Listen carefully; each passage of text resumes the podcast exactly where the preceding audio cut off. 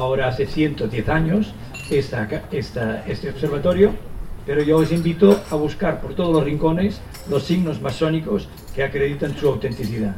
En las ventanas, en las sillas, en los cielos, encontraréis compases, encontraréis triángulos, etcétera, etcétera. Por lo tanto, toda esa tropa algo tenían de masónicos. Quizá aquí está su inteligencia.